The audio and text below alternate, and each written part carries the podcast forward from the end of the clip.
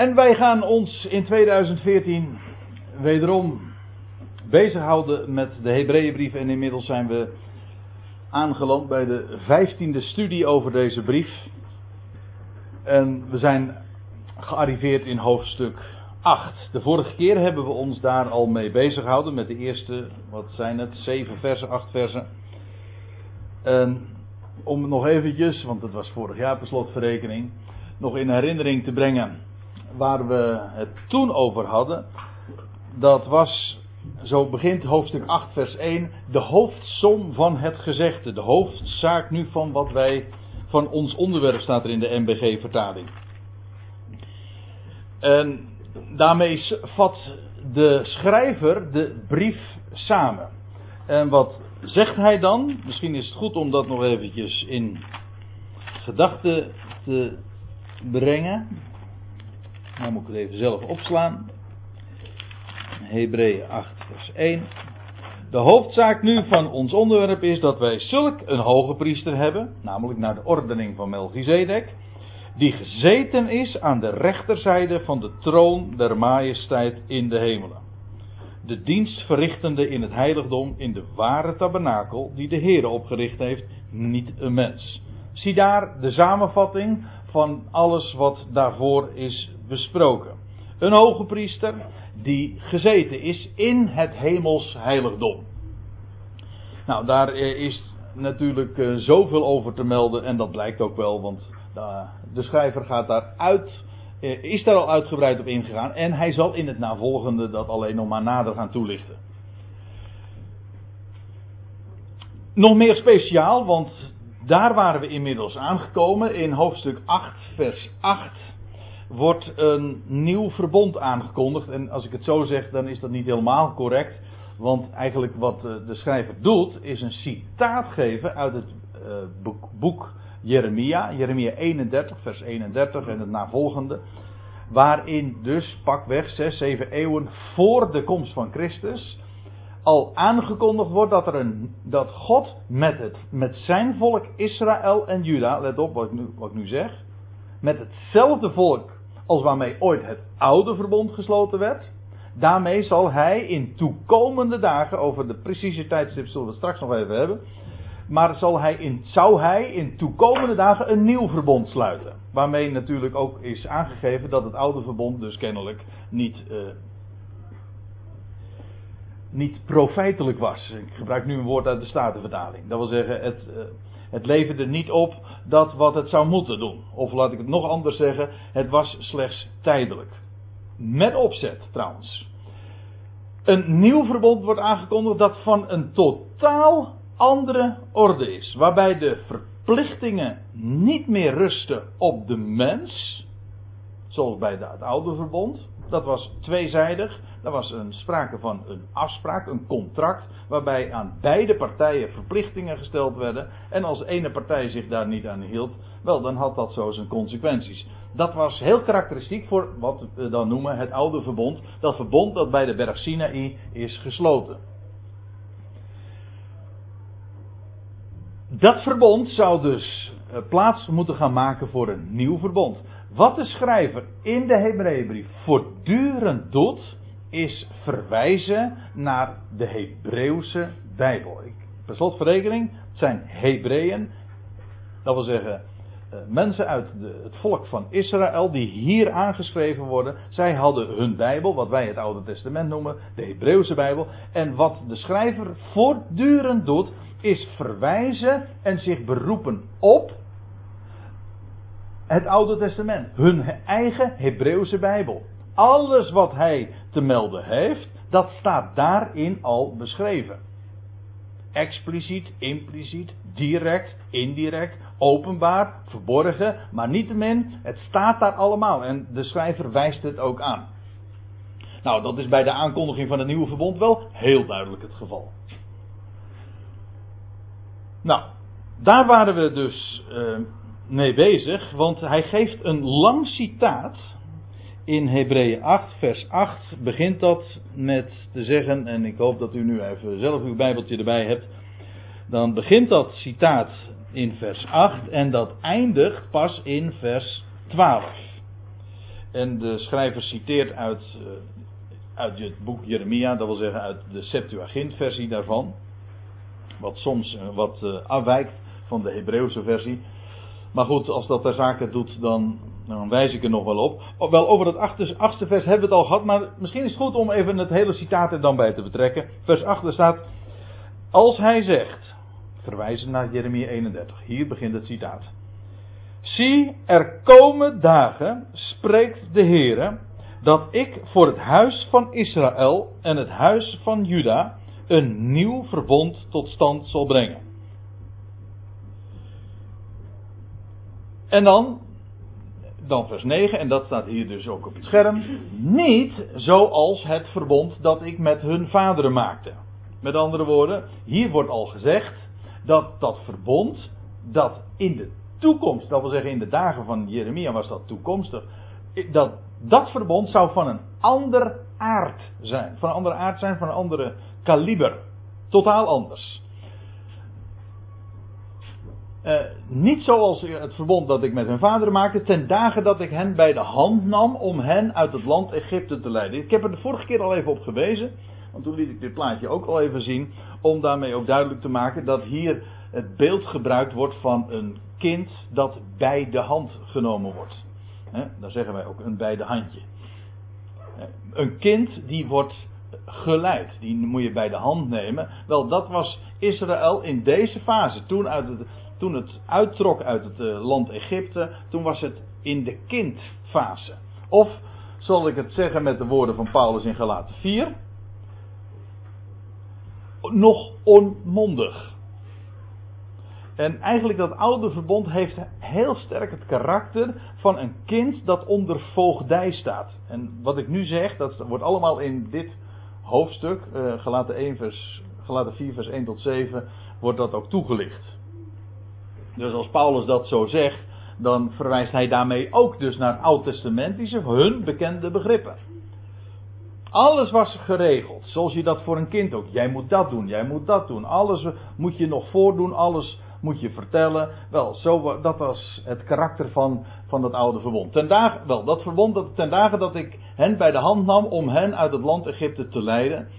Want, staat er dan, zij hebben zich niet gehouden aan mijn verbond. Of letterlijk staat er, zij blijven niet in mijn, het, het verbond van mij. Dat kun je opvatten als ze hebben zich er niet aan gehouden. Ze konden zich er niet aan houden. Ze werden er ook buiten geplaatst. En als ik het zo zeg, dan sluit dat meteen weer aan bij wat daar weer op volgt. En ik heb mij niet meer om hen bekommerd. Letterlijk staat er eigenlijk, ik heb hen veronachtzaamd. Dat verwijst naar de ballingschap. Want dat was namelijk ook onderdeel van het oude verbond. Als ze, zich, als ze dan in het land zouden zijn en ze zich, zouden zich niet houden aan het contract, aan het verbond. Contract klinkt wel heel erg koud. Maar als ze zich niet zouden houden aan het verbond, dan, zou, en, eh, dan zouden zij uiteindelijk ook eh, buiten het land gezet worden, in ballingschap terechtkomen. Hoewel God ook dan weer uiteindelijk naar hen zou omzien en zou terugbrengen. Ook dat staat allemaal in het oude uh, verbond al uh, in de huwelijkse voorwaarden, om zo te zeggen, in het contract opgesteld. Maar dan zou hij zich niet meer om hem bekommeren. Je leest in Deuteronomium 28, 29, 30 dat, dat als zij dan in het land, uh, buiten het land terecht zouden komen, vanwege hun ongehoorzaamheid, dat, dat ze dan uh, ellende op ellende zouden meemaken in de diaspora. En feitelijk is dat niet alleen maar vervuld in de dagen van, ja, toen ze in ballingschap waren, zeg maar van in Babel en Assyrië, maar ook de afgelopen 2000 jaar. Dat Israël buiten het land terecht kwam, maar daar weinig heil heeft ondervonden. Dat zijn dus woorden die met recht ook eh, voorzeggingen zijn, die hier staan, aange, die hier staan beschreven. Want staat er dan in vers 10: Dit is het verbond waarmee ik mij verbinden zal trouwens grappig, maar dit woord verbinden. Ja, ons woord verbond komt van het werkwoord verbinden. Zo, eh, dat is in het Grieks ook het geval, want hier wordt twee keer het woordje verbond gebruikt, alleen hier dan als werkwoord. Iets, als je iets verbindt, dan is het verbonden. Dan is daar sprake van een binding, een verbond. Dat is niet zo moeilijk. Maar nu wordt er dus gesproken over een ander verbond. Dit is het verbond waarmee ik mij verbinden zal. Een nieuw verbond. Aan het huis Israëls. Dit is de tweede keer dat dat heel uitdrukkelijk zo gezegd wordt. Waarmee ik, ik heb het geloof ik uh, vorig jaar ook uh, bij, deze, bij de bespreking nog gezegd, maar ik kan het niet genoeg herhalen. Kijk, we zijn per slotverrekening allemaal de, we leven in een Calvinistisch Nederland van origine. En daar zijn we allemaal groot geworden met de gedachte, met de verbondsgedachte. Eigenlijk is het hele kerkelijk instituut, zeker in de Calvinistische kerken speelt het ook in de prediking een enorme grote rol, uh, is helemaal gebaseerd op het verbond. Dat begint daarbij als een klein kindje geboren wordt en dan gedoopt wordt, dan, wordt dat, dan beroept men zich ook weer op het verbond. Dat met Abraham, mijn vriend, dat hij bevestigt van kind tot kind. En nou, er zijn hier kerken, sterker nog, de kerk waarin we, het gebouw waarin we hier zitten, is gereformeerd. Hm, hervormd, nou ja, maar gereformeerd is hetzelfde als hervormd trouwens hoor. Maar goed, ja, want reformeer, gereformeerd betekent dat, je het, dat het gereformeerd is. Maar dat is hervormd. Ja, toch? Probeer, probeer het maar eens een keertje in het Engels te zeggen. Dan, zeg, je alle, dan zeg je reformed. Dan is, dat is het exact hetzelfde. Maar goed, dat, eh, dat is gebaseerd allemaal op de, de gedachte van het verbond. Verbondsmatige prediking. En van, in welk segment je dan ook van de kerk komt, maar het is allemaal verbond wat de klok slaat. En het idee daarbij is dat men ervan uitgaat dat de kerk in plaats van Israël is gekomen. Dat is het hele idee. Eigenlijk het hele instituut en het hele functioneren is gebaseerd en op en gaat uit van de gedachte dat wij Israël zijn. Geestelijk Israël, het verbondsvolk. En uh, van de week las ik nog een rouwadvertentie. Uh, daar stond ook, uh, hoe weet dat? Ja, het is een beetje een standaardzin. Maar hopend op, dat was, stond dan bovenaan de rouwadvertentie. Uh, getroost door de verbondsbelofte is van ons heen gegaan. Nou ja, maar in ieder geval, het is altijd het, is het verbond. En daarmee eigent men zich iets toe dat niet voor hen, uh, wat niet voor jou bestemd is. In wezen is men bezig met een rollenspel dus. Men denkt dat men iemand is, terwijl, dat, terwijl men het niet is. Nou, een rollenspel kan heel erg leuk zijn als het gewoon toneel is, als je weet dat het rollenspel is. Maar als je denkt, als het doodserieus wordt, je denkt dat het echt zo is, dan ga je hopeloze vergissingen maken. Want dan leef je de hele tijd in het idee dat je iets bent wat je niet bent. Dat geldt ook voor, eh, voor, voor, voor een groep die denkt dat ze Israël zijn. En ook die functie dus moeten vervullen. Hoe dan ook, dat nieuwe verbond wordt gesloten met Israël. Gewoon dat etnische volk. Dat nu inderdaad al twee dagen van duizend jaar verstrooid is onder de natieën. Maar dat door God ook weer teruggebracht zal worden in het land. Wat we nu meemaken is een, uh, is een, een vooruitgrijpen. Een, vooruit, voor, een vooruitgrijpen, maar niet te minder. Uh, waar, het een, waar het vooral nu om gaat is dat Israël uh, daarmee zal dat verbond worden gesloten. En dan staat erbij na die dagen. En als je dat in Jeremia even terugleest, dan staat er in hoofdstuk 30, dat is dus het directe voorafgaande verband. Uh, in het laatst der dagen. Zo'n typische uitdrukking die altijd verband houdt met de komst de terugkeer van de Messias. Of uh, nog even daarvoor in Jeremia 30. Na de tijd van benauwdheid voor Jacob. Want er zal een tijd van benauwdheid komen van, voor Jacob. De Bijbel noemt dat de grote verdrukking. Dat ze in, het, in, in benauwdheid, in grote druk zal komen. Wel, na die dagen zal God een nieuw verbond sluiten. Met alles wat erbij hoort. Wel. En dan. staat er in vers 10. Ik zal mijn wetten in hun verstand leggen en ik zal die in hun harten schrijven. En wat je iedere keer leest in deze passage, is dat God zegt: Ik zal tot zeven keer toe. Is een getal van volheid. Heel karakteristiek. Niet, eh, niet één keer in de aankondiging van het nieuwe verbond wordt er gezegd dat het volk iets behoort of moet doen. Niets. Helemaal niets. Het is alleen maar ik zal. Dat kan dus per definitie niet misgaan. Het, is geen, het nieuwe verbond is dus niets anders dan een, een verlengstuk, als ik het een beetje raar mag zeggen, maar in ieder geval, het, het, het ligt inderdaad in het verlengde van Gods belofte aan Abraham. Gods belofte aan Abraham was ook eenzijdig. De belofte. En de, de wet kwam pas, de, het oude verbond, kwam pas 430 jaar later. En toen kwamen daar allerlei bepalingen eh, waar wederzijdse partijen zich aan dienden te houden. Het nieuwe verbond niet, is louter belofte. En dat betekent dat de schuld, de met andere woorden, de verplichtingen, geheel aan Gods zijde liggen. God verplicht zich, want belofte maakt schuld. God verplicht zich daaraan te houden. Ik zal u ze trouwens even op een rijtje uh, noemen.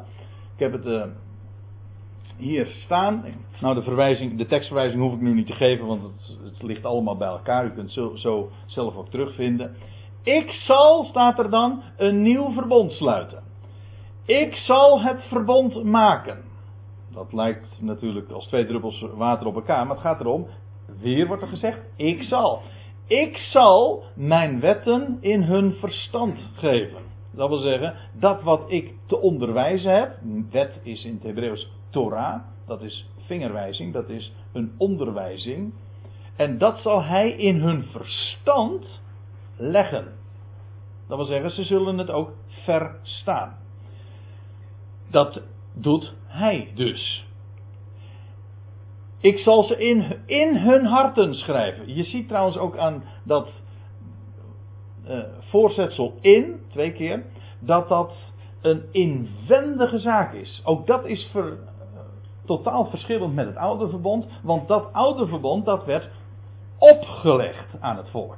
Dat moesten ze doen. Petrus spreekt over een juk dat waaronder wij uh, waar, dat, wij, dat wij nog onze vaderen hebben kunnen dragen, zegt hij in Handelingen 15. Dat is een juk dat opgelegd is. Het nieuwe verbond is geen juk. Het is iets wat.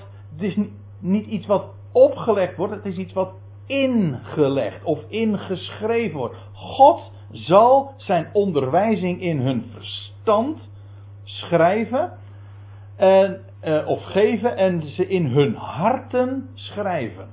Dat is dus een innerlijke, een hartezaak, waardoor ze ook God zullen liefhebben.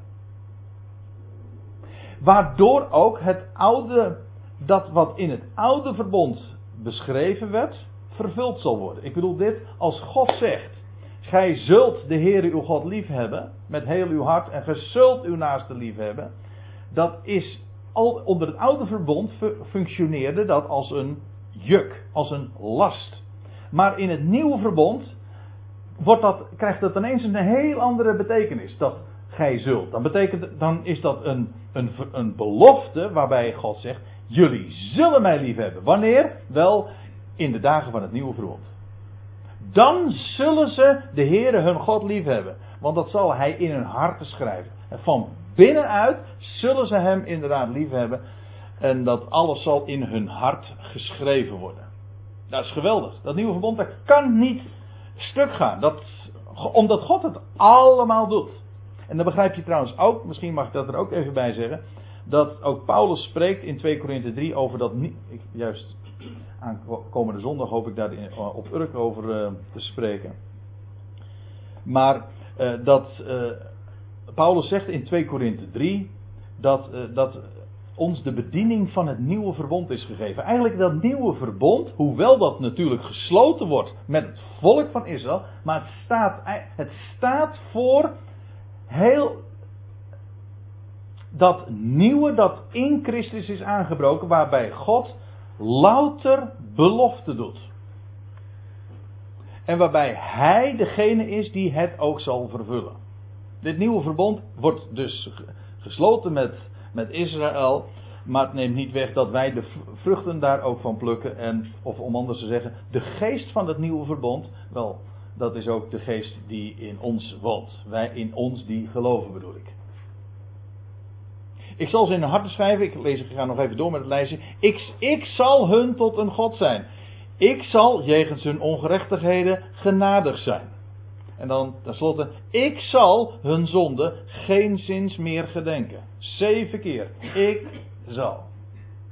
Zonder enige verplichting. Zie daar dat nieuwe verbond. En dan begrijp je ook waarom Paulus, of de schrijver, laten we het maar anoniem houden, eh, dat de schrijver zegt dat hij, eh, dat, dan heeft hij het over de hoge priester naar de, eh, naar de ordening van Melchizedek. Hij is de middelaar van een beter verbond. Ik lees nu voor uit vers 6 van ditzelfde hoofdstuk. Dat hij de middelaar is van een beter verbond waarvan de rechtskracht berust op betere beloften. Nou, dat kun je wel zeggen. Een beter verbond. Oneindig veel beter. Perfect. Volmaakt. Dit kan niet stuk gaan. Daarom is dit ook een blijvende zaak. Dat oude verbond was op voorhand al een tijdelijke aangelegenheid. Dat, zie ik ze allemaal, maar alleen de eerste zie ik zeker niet in die tekst. Uh, nee, maar dat komt omdat ik nu deze versie heb gegeven uit, het, uit Jeremia 31. Oké. En uh, het, ik zei al, de, de wijze waarop de schrijver het u nu citeert, dat is uit de Septuagint en dat wijkt net een beetje af. En dat zou wellicht uh, de telling be, beïnvloeden. Ja. Goed, ik lees even verder. En ik zal hun, nou goed, we hebben dat nu al uh, in, dat, in die opsomming al even verwerkt, dus ik kan er nu uh, kort over zijn. En ik zal hun tot een God zijn. En ze, zij zullen mij tot een volk zijn. Wie is zij? Dat is het volk Israël. En dat volk, wel, dat wordt, is gedefinieerd. Wel, zij zullen dan zijn volk zijn. Zoals ze nu trouwens niet zijn volk zijn. Lo Ami. Niet mijn volk. Dan is het weer zijn volk. Ami. En niet langer zullen zij en ieder zijn medeburger en een ieder zijn broeder leren zeggende, ken de Heere. Want allen zullen zij mij kennen. Dat wil zeggen, niet langer hoeft dat meer gezegd te worden, opgelegd te worden aan elkaar. Integendeel, het is, een, het is in die dagen een feit. Ze hoeven niet te zeggen ken de Heer, want allen zullen ze mij kennen. Ik eh, wil u op nog een schriftplaats wijzen en dat is niet je, je Jeremia, maar Jezaja 54 en ik lees even voor uit de Statenvertaling. Zeker als het gaat om het Oude Testament, dan lees ik het liefst uit de Statenvertaling. Althans, die is veel correcter, veel letterlijker. Want, staat er dan in vers 10 van dat hoofdstuk, want bergen zullen wijken en heuvelen zullen wankelen dat is ook zo. Maar mijn goedertierenheid zal van u, Israël, niet wijken. En het verbond van mijn vrede, of mijns vredes, zal niet wankelen, zegt de Heere, uw ontfermer. Het verbond van mijn vrede, dat is dat nieuwe verbond. Dat inderdaad gekenmerkt wordt door vrede. Niet, daar is niet langer sprake van conflict. Integendeel, daar is eenheid. Met recht een verbinding. Dat blijvend is. Dat niet ontbonden kan worden. Niet gebroken kan worden. Nou, waarom lees ik dit nu ook? Omdat in datzelfde verband, ik lees nu dus twee versen verder of drie versen verder, dan staat er in vers 13: En al uw kinderen, dat wil zeggen de kinderen Israëls, zullen van de Here geleerd zijn. En de vrede uw kinderen zal groot, of in de Concordant Version zegt uh, abundant, uh, overvloedig zijn. Dus al uw kinderen zullen van de Heere geleerd zijn. Dat wil zeggen, de Heer zelf zal hen onderwijzen. Dan, het idee daarbij is ook. Ik zou dat uh, aan de hand van het boek Jesaja ook gemakkelijk kunnen aantonen. Het idee daarbij is dat zij niet meer onderwezen worden door het volk zelf. En ook niet geboden van mensen zullen ontvangen. Nee, ze zullen door de Heer zelf geleerd zijn. Dat wil zeggen door zijn eigen woord. Ze zullen zijn woord gaan verstaan. De bedekking, weer 2 Korinthe 3. De bedekking zal worden weggenomen. En men zal ontdekken wat er staat in de schriften. Men zal verstaan dat het alles betrekking heeft op hem die zou komen en het leven dat er in hem is. En dan wordt de bedekking weggenomen, dan wordt de last van hun afgenomen. En dan zullen ze van de Heer zelf leren. Zijn woord zullen ze direct, zelf, gewoon van harte verstaan. Niet meer tradities van mensen, maar de Heer zelf zal hun door zijn woord onderwijzen. Dat is het allermooiste wat er bestaat. Ja, toch? Dat geldt toch voor ons ook. Als je, van de Heer zelf geleerd bent. Als je weet van ik, het is zo, het is de waarheid, want het staat geschreven. Niet omdat die dat zegt, een voorganger, een dominee of de kerk. Nee, als je, hebt je hebt iets pas werkelijk geleerd wanneer je het zelf hebt ontdekt en gezien in het woord zelf. Wel, dat zal straks ook met Israël het geval zijn, dat volk. Een geweldige toekomst zal dan aanbreken. Voor, voor hen ook. Van de kleinste tot de grootste onder hen staat er. Want ik zal genadig zijn. Nog steeds is de schrijver bezig het boek Jeremia te citeren dus. Want ik zal genadig zijn over hun ongerechtigheden. En hun zonde zal ik niet meer gedenken. Dat wil zeggen, het verleden doet totaal niet meer ter zake. Dat niet meer gedenken, ik zal, ze het ook niet meer, ik zal er niet meer aan herinnerd worden. En ik zal hen er ook niet meer aan herinneren. Dat is ook trouwens wat het woord vergeten betekent. Vergeven en vergeten betekent niet dat er een, op een knop gedrukt wordt en er staat een soort van een delete van de, de memory of zo. Nee, vergeten betekent je zal, je zal er niet meer aan denken en je zal er nooit meer de ander aan herinneren. Bij welke gelegenheid ook. Dat is vergeten. Ik zal ze niet meer gedenken. Dat, in plaats van een verleden hebben ze dan alleen nog maar een toekomst dus. Nou, dat is dus, hier zou de, als je het typografisch goed weergeeft, dan zou je hier dus de aanhalingstekens sluiten, omdat hier het einde, omdat hier het einde is van het lange citaat. En dan gaat de schrijver van de Hebreeënbrief verder. Als hij spreekt, dat wil zeggen, want God zelf had dit namelijk aangekondigd. Bij monden van Jeremia. Als hij spreekt van een nieuw verbond. Verbond staat er eigenlijk niet eens. Als hij spreekt van nieuw. Kijk, letterlijk staat er hier. In het zeggen nieuw heeft hij het eerste oud gemaakt. Dat is logisch, want nieuw en oud zijn relatieve begrippen. Als er iets nieuws bestaat, dan bestaat er ook iets oud. Als, er, als een tweede bestaat, bestaat er ook een eerste. Nou, als hij spreekt van een nieuw, heeft hij daarmee het eerste voor verouderd verklaard. Dat is nogal logisch.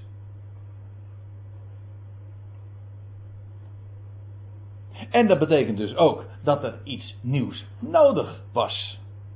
Dat betekent dus ook dat het verbond in de dagen van Jeremia, nog steeds toen nog het oude verbond, dat, dat, dat daarvan was duidelijk, ja, dit is geen blijvende zaak. Op deze basis kunnen wij niet met onze, God, eh, met onze God omgaan. Hierin is niet de toekomst gelegen. Dit is, blijf, dit is een tijdelijke zaak. Het judaïsme, dus als godsdienst, de Joodse godsdienst, is dus eigenlijk dus een, een, een tijdelijk fenomeen.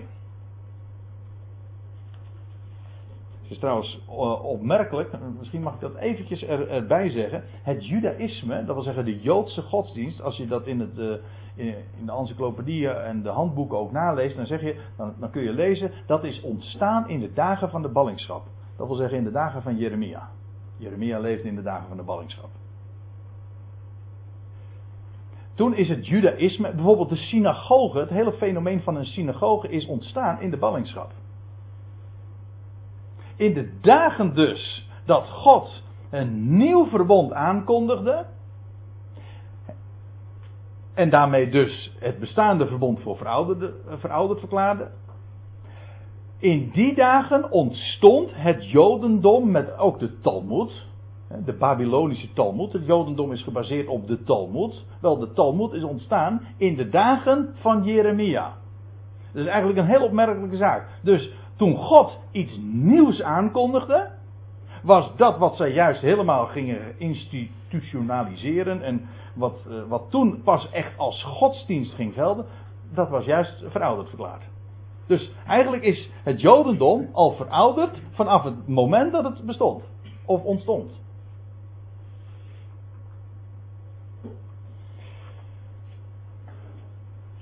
Nou, en zegt de schrijver dan. En wat veroudert, wat oud gemaakt wordt, namelijk door van iets nieuws te spreken, is er dus ook iets oud. Wat veroudert? Wel, uh, dat verjaart, dat vergrijst. Dat weten we ook, hè? Als je verjaart. Wij feliciteren elkaar als je verjaart. Maar ik eh, ben altijd uh, geneigd. Ik, soms doe ik het ook wel eens uh, Hebreeën 8 vers 13 citeren bij iemands verjaardag. Hij weet, als, je als wat veroudert en verjaart, dat is niet ver van de verdwijning. Alsjeblieft, gefeliciteerd. dat, dat gaat voorbij.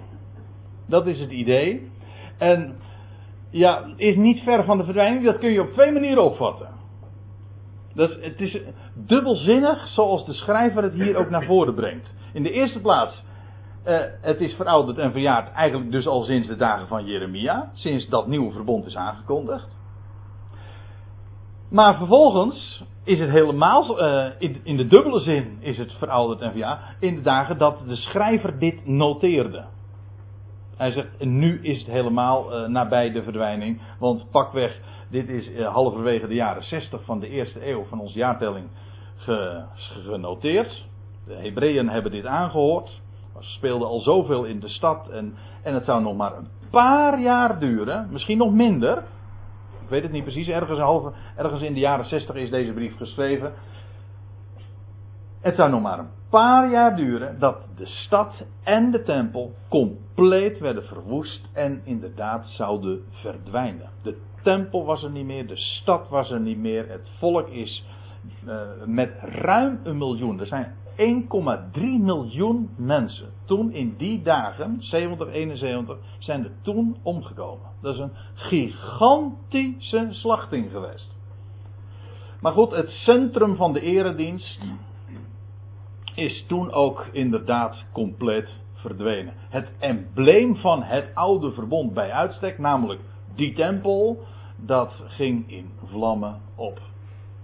En daar eh, vinden we nogal wat verwijzingen naar in deze brief. We hebben ze bij een andere gelegenheid wel eens op een rijtje gezet. Maar hier hebt u er weer eentje dus.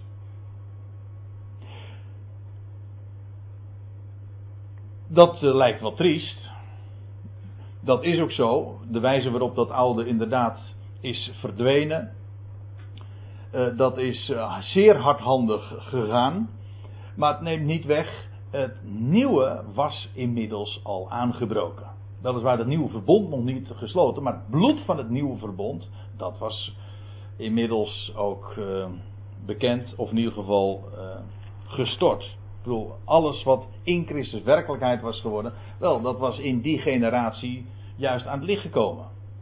Moet niet vergeten, jaar 70, dan praten we dus over 40 jaar daarvoor, een generatie Trouwens ook een veelzeggend getal, 40 jaar.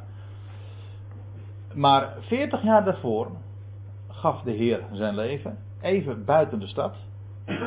Als u het mij vraagt, zelfs, ik, ik zie nu dit plaatje, toen, dit, toen de Heer stierf, dan was dat op. Jaren geleden heb ik hier eens een keertje.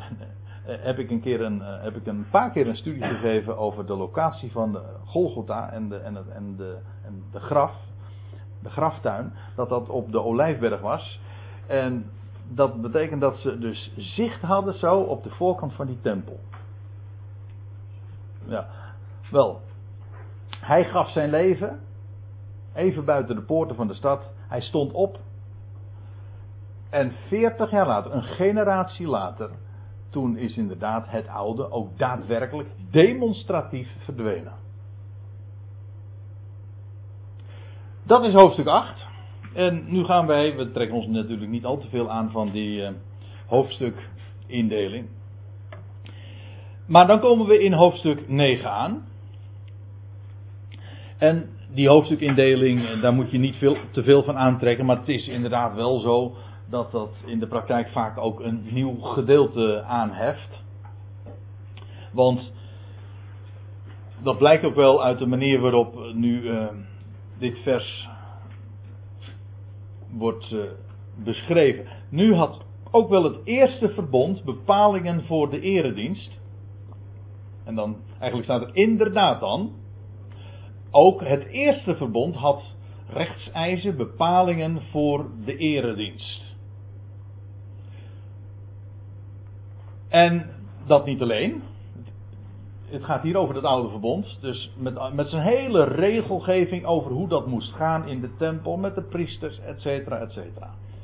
En het had ook een heiligdom voor deze wereld. Als u, als u kijkt naar wat eh, in de interlineair staat, er staat letterlijk een wereldlijk heiligdom. Een, en dat wat uh, betekent dat? Wel, het is een eigen een heiligdom zoals we dat in de wereld kennen. Een, een, je zou haast zeggen, een werelds heiligdom. Ik zal u dit vertellen. Dit woord, wereldlijk, dat wordt hier nu met wereldlijk vertaald, maar in Titus 2, dan, uh, dan wordt het vertaald met werelds. Dan gaat het over de wereldse begeerte. Wereldlijk. Betekent uiteraard niet zondig, dat denken wij dan weer bij, bij wereld. Maar het idee is een wereldlijk heiligdom, gewoon een heiligdom in deze wereld. Concreet, tastbaar. Zoals de wereld zoveel heiligdommen kent. En tempels en heilige plaatsen. Wel, zo was daar gedurende lange tijd een heiligdom, een wereldlijk heiligdom van Gods wegen. Namelijk daar uh, onder dat oude verbond. Eerst die tabernakel, waar de Hebreeënbrief vooral over spreekt. Later de tempel, die werd verwoest. Toen kwam weer een nieuwe tempel. De tempel van Herodes. Een wereldlijk heiligdom. Dus als ik het even in schema mag voorstellen. Je had dat eerste, dat wil zeggen het oude verbond. Je had vervolgens die eredienst onder leiding van het Levitisch priesterschap, met de, het huis van de Aaron en, en alle priesters die bij, daarbij hoorden, het hele, de, alle Levieten die daar ook dienst deden in, in, in Jeruzalem en in, de, in het heiligdom. En vervolgens, uh, ja, ze deden dienst en in een wereldlijk heiligdom. En dit alles staat tegenover dat tweede, namelijk het nieuwe verbond, dat niet waarin niet het Levitisch priesterschap op geld doet, maar de koningpriester naar de ordening van Melchizedek, dat van een heel, een veel hoger orde is. Maar daar hebben we het een hoofdstuk lang in hoofdstuk 7 over gehad. Om niet te zeggen twee of drie hoofdstukken. En dit staat tegenover elkaar, dit staat tegenover elkaar. En een wereldlijk heiligdom staat tegenover een hemels heiligdom. Niet met handen gemaakt. Maar ook dat hebben we al gezien in hoofdstuk 8. De ware tabernakel. Onzienlijk, maar wel het, het echte. Want dit heiligdom is niet anders dan een uitbeelding, een embleem van het echte. Het hemelse heiligdom. Want, staat er in vers 2, er was een tent ingericht en daar wil ik nu vanavond eh, graag eens uh, uw aandacht uh, voor de rest ook voor vragen. Over die tabernakel. Want dat doet de schrijver hier kortweg. En weliswaar kenden deze, de lezers, waren daar zeer goed van op de hoogte hoe dat zat. En het wordt hier aangestipt. Maar het is voor ons ook goed om eens in, in gedachten te brengen wat dat voor een wereldlijk heiligdom was. Hoe was dat ingericht? Want dat blijkt inderdaad tot in de details zo veelzeggend te zijn. Hoewel de schrijver het alleen maar even aanstipt. Wij doen het iets uitgebreider. Maar dan lees je in vers 2: Want er was een tent ingericht, de voorste. En ik heb u hier een plaatje gegeven van de tabernakel, waarbij de, we de kleden even voor het gemak hebben opgehaald. En hier, zo krijg je dus van buitenaf een inkijkje. Dit is dan het voorste gedeelte, dat was twee keer zo groot als het achterste gedeelte. Dit was het heilige. Dit is het heilige der heiligen. Het heilige der heiligen had trouwens een kubusvorm. De lengte was gelijk aan de breedte aan de hoogte. Dit was uh, het voorste, het eerste deel, en dit was dus het tweede deel. Soms wordt dit trouwens, soms heet het geheel de tent, soms heet dit de eerste tent of de tweede tent. Daar wordt nogal, uh, ook in dit gedeelte, ik zal het later nog wel laten zien, gespeeld met die woorden eerste en tweede. Want ook dat blijkt dubbelzinnig namelijk te zijn. En soms vraag je even af, hé, hey, wacht even, wat bedoelt de schrijver hier nu met de tweede? Want dat kun je op twee manieren opvatten. Ja, maar dat is uh, bewust. Er was een tent ingericht, de voorste, waarin de kandelaar. Aha, nu gaan we dus even naar de attributen kijken. Kijk, in die, in die voorste tabernakel waren daar een drietal attributen, hoewel vreemd genoeg slechts twee ervan genoemd worden. De, de, het reukofferaltaar wordt niet vermeld. En de kritische luisteraar zou nu kunnen denken: uh -uh, in mijn Bijbeltje wel, maar daar hebben we het straks nog even over. Een drietal attributen stonden in dat eerste gedeelte, in, dat, in die voorste tent. En dat wil zeggen de tafel van de toonbroden. En nou laat ik ze in de volgorde noemen die de schrijver hier noemt. De kandelaar, de tafel van de toonbroden en dan nog de niet vermelde, het uh, niet vermelde reukofferaltaar. Goed, de kandelaar wordt op verschillende plaatsen beschreven. Meest uitgebreid in hoofdstuk 25 van het boek Exodus. Dat die kandelaar, dat was, was een grote kandelaar uit louter goud gemaakt. Het één stuk. En dat was feitelijk een, een amandelboom, een gestileerde amandelboom. Want wat je hier ziet, het komt hier niet echt uit de verf. In die zin is het niet zo'n mooi plaatje. Maar uh, het, was, uh, het bevatte, het was zo gemaakt dat het bloemkelken en ook zelfs uh, vruchten van een amandelboom voorstelde. Amandelbloesem. Een heel apart verhaal is dat met die, met die amandelbloesem. E-, even kort.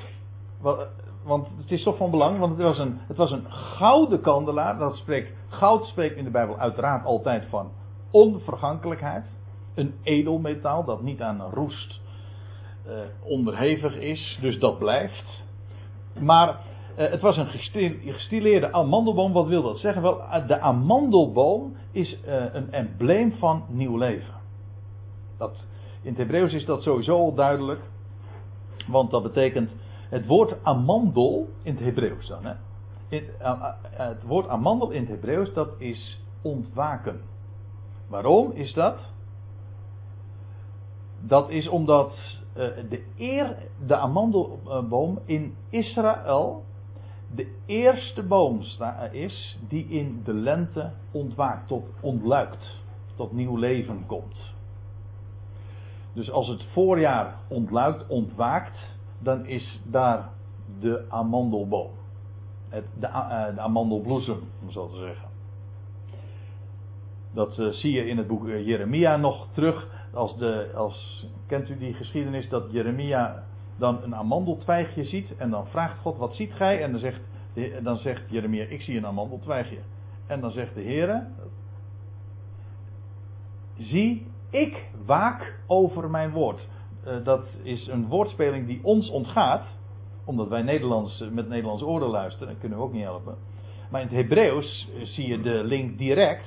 Want jij ziet daar een amandeltwijgje, uh, Jeremia. Wel, zo waak ik over mijn woord. Dat, die amandel verspreekt van waken en ontwaken. En van nieuw leven. Heel... Uh, veelbelovend, uh, veelbelovend begin daar in het boek Jeremia. Maar dat is dus die amandelboom. En die vind je dan op allerlei mogelijke manieren vaak weer terug. We zullen het straks nog even zien als we het hebben over de staf van Aaron, want die wordt hier ook nog vermeld een paar, een paar versen verder. Want wat gaf die, die staf van Aaron te zien? Ah, ja, die ging bloeien. Maar wat, liet hij, wat, wat bloeide er? Amandelbloesem. Hij gaf, had zelfs vruchten gegeven, staat er. Het spreekt allemaal van nieuw leven. Maar eh, ik herinner me dat, we de, dat ik de vorige keer nog even op gewezen heb. Misschien is het goed om dat nog even in herinnering te brengen, want zo zie je dat alles weer in elkaar grijpt. Dat die hoge priester het heiligdom inging, dagelijks. En wat deed hij dan? Onder andere, niet alleen, want hij deed nog meer dingen, maar onder andere de kandelaar verzorgen. En die moest bijgevuld worden met olijfolie. Ja, en dan moesten pitten ook uh, verzorgd worden. Kortom, hij verzorgde gewoon het licht, want er was altijd licht in het heiligdom. Licht namelijk dat de hoge priester uh, verzorgde middels die kandelaar. En we hebben toen ook gezien, dat is precies ook en karakteristiek voor het, de hoge priester die vandaag verborgen is voor ons aangezicht, of voor het gezicht. En we zien hem niet, nee, maar wat doet hij? Wel, in dat hemelsheiligdom zorgt hij ervoor dat de lampjes branden. en zorgt hij ervoor dat wij bijgevuld worden met olie, zijn woord, zijn geest, zodat we licht gaan geven. Dus het spreekt dus van het werk dat hij nu in het verborgene doet.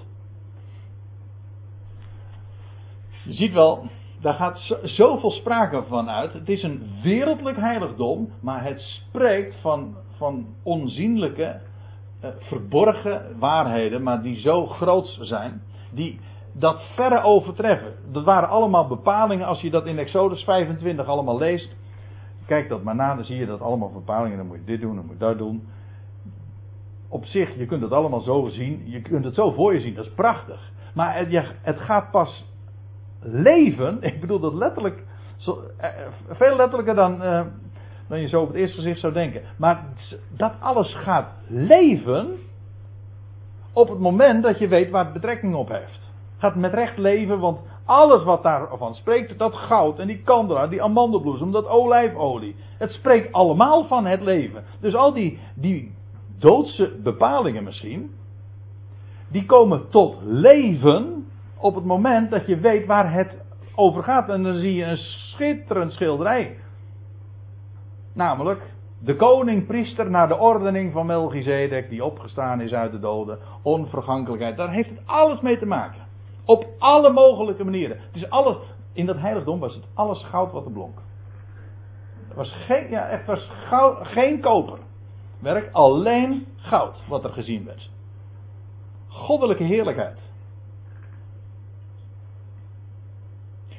De kandelaar. Nou, uh, vervolgens uh, de tafel met de toonbroden. Want dat moest namelijk ook nog uh, aangevuld worden. Wekelijks kregen de, de broden, werden de broden gegeven aan de priesters. Die mochten daarvan eten. Maar het waren een, twee stapels brood. Je vindt dat in deze schriftgedeelte wordt dat uh, nader uiteengezet hoe dat moest uh, gemaakt worden. ik bedoel ook die, die tafel. Het was ook een gouden tafel met een gouden kroon eromheen. Ja. met draagstokken met, en alles werd door een ringetje gehaald. Ja. maar in ieder geval twee stapels brood. En in totaal waren dat dus twaalf broden. Uiteraard spreekt dat van Israël. De, de zorg van God voor zijn volk.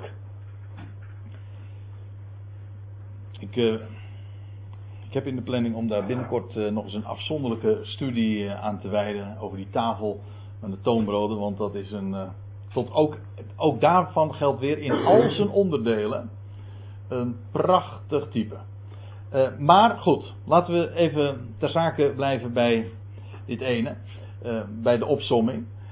In die tent was daar dus de kandelaar en de tafel van de toonbroden. En deze werd het heilige genoemd.